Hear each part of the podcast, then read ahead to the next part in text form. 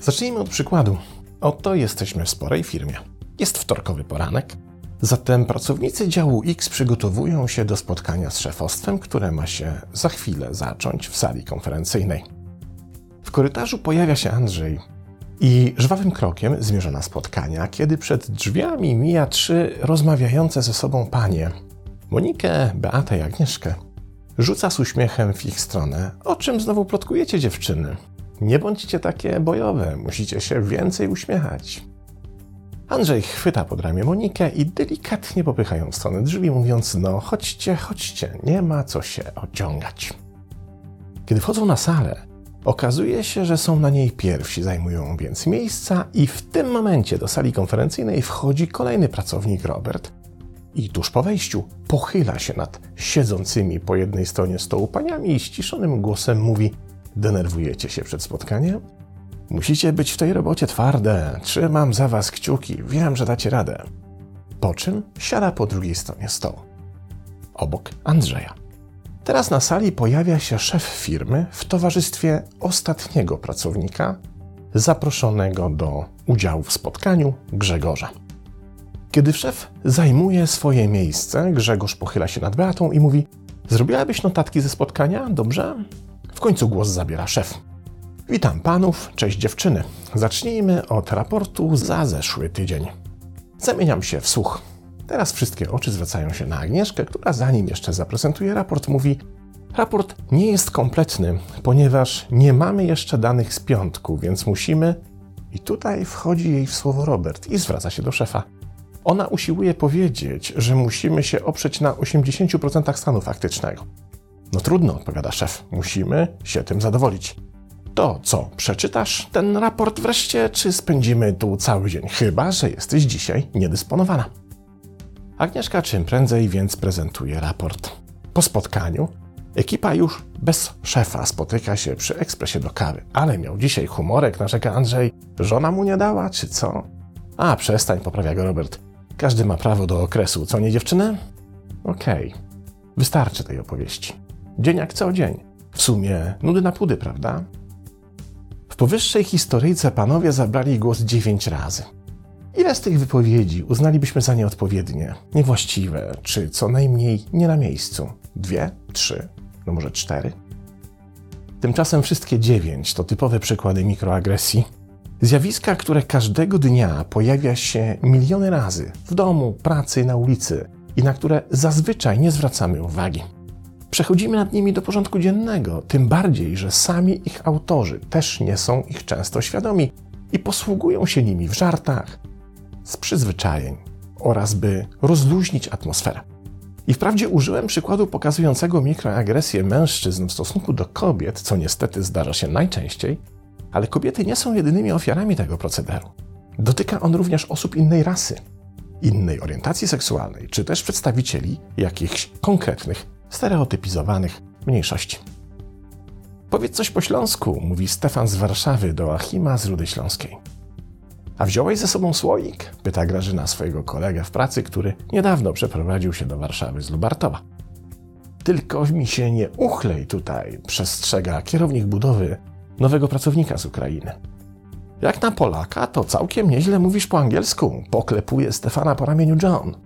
Jak na babę, to naprawdę nieźle dajesz na tym motocyklu. Co rusz słyszy Grażyna, parkując swoją VT 1800.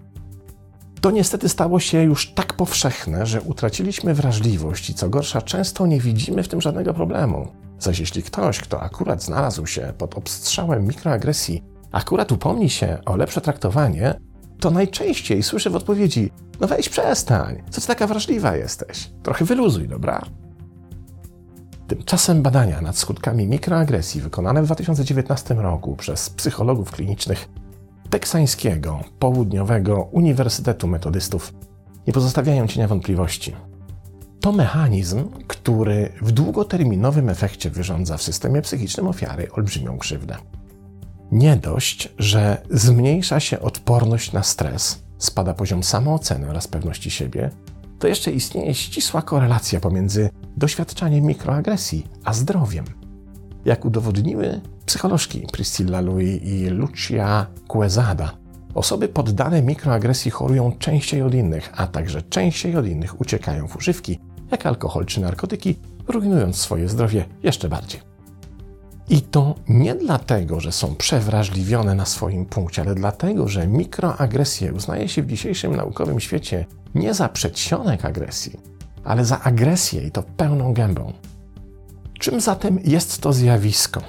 Po raz pierwszy termin mikroagresja pojawił się w badaniach afroamerykańskiego psychologa Chestera Pearsa w 1970 roku, kiedy zwrócił on uwagę na codzienne zniewagi, których doświadczał od białych, w tym swoich własnych studentów.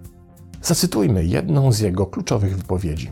Zauważyłem na zajęciach, na których uczę, że po każdym wykładzie podchodził do mnie biały, a nie czarny student i mówił mi, jak powinny być zorganizowane zajęcia, jak ustawić krzesła, jak mam wykładać, jak organizować te moje zajęcia. Kiedy Pierce zaczął badać to zjawisko, okazało się, że jego zasięg jest daleko większy niż tylko i wyłącznie uprzedzenia rasowe. Doświadczają go również kobiety, osoby LGBT, przedstawiciele mniejszości etnicznych, czy w ogóle członkowie grup w jakiś sposób społecznie stygmatyzowanych.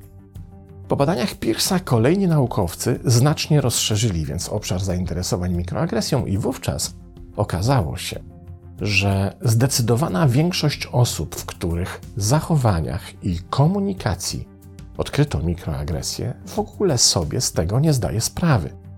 Rzeczywistość bowiem na tyle nas do tego mechanizmu przyzwyczaiła, że uznaliśmy go za stały element gry, za coś, co jest stałym, zawsze obecnym elementem naszych społecznych zachowań i zaakceptowaliśmy to na tyle, że często do głowy nam nie przyjdzie, żeby komuś zwrócić na takie zachowania uwagę, czy też samemu się pilnować w tym względzie.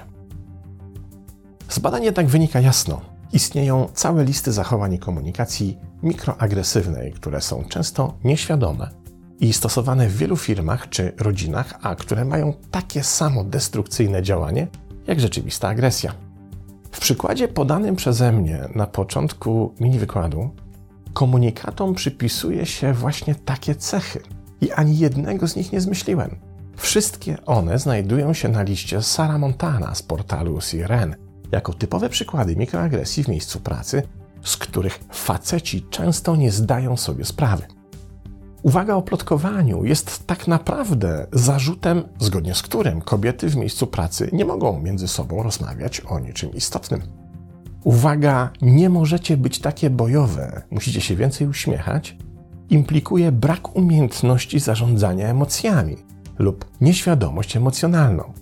Zwrot ona usiłuje powiedzieć o jest ekspozycją dominacji pozycyjnej, implikującej, że dana osoba sama nie jest w stanie wyjaśnić niuansów swojej pracy. Zwrócenie się o sporządzenie notatek wyłącznie w stronę określonej osoby z pominięciem innych również narzuca pozycję stratyfikacyjną w hierarchii ważności.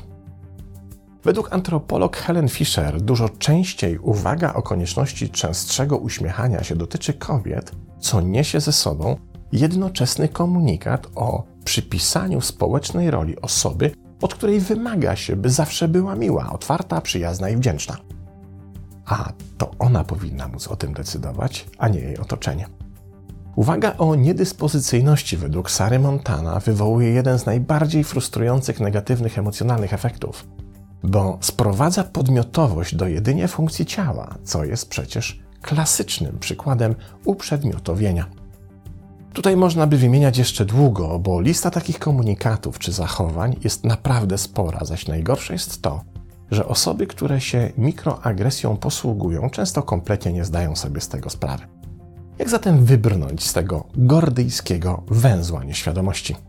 Jak zwykle przez świadomość, która z jednej strony dotyczy tego, jakie zachowania są tak naprawdę mikroagresją, a z drugiej strony tego, na jak niewyobrażalną skalę towarzyszą one naszemu codziennemu życiu. Świat się już zorientował i zjawisko mikroagresji jest tematem wielu książek, dyskusji, badań. Pora byśmy do tej dyskusji z pokorą dołączyli, tym bardziej, że już na polskim księgarskim rynku pojawiły się niezwykle istotne pozycje, które w tym zakresie pomagają nam wszystkim otworzyć oczy. Jak chociażby książka Niewidzialne kobiety Caroline Criado Perez, którą polecam, mimo iż jest to naprawdę przerażająca lektura. Pamiętajmy jednak, że mikroagresja dotyka nie tylko kobiet, zaś nasza świadomość powinna być budowana w wielu obszarach w tym względzie. Ta zaś świadomość oznacza po prostu uwrażliwienie, które możemy w sobie wykształcić, a później wzmacniać poprzez nieustanne zadawanie samym sobie wciąż tego samego pytania: czy to, co mówię do tej osoby, będąc na jej miejscu, na pewno chciałbym od kogoś takiego jak ja usłyszeć? Pozdrawiam.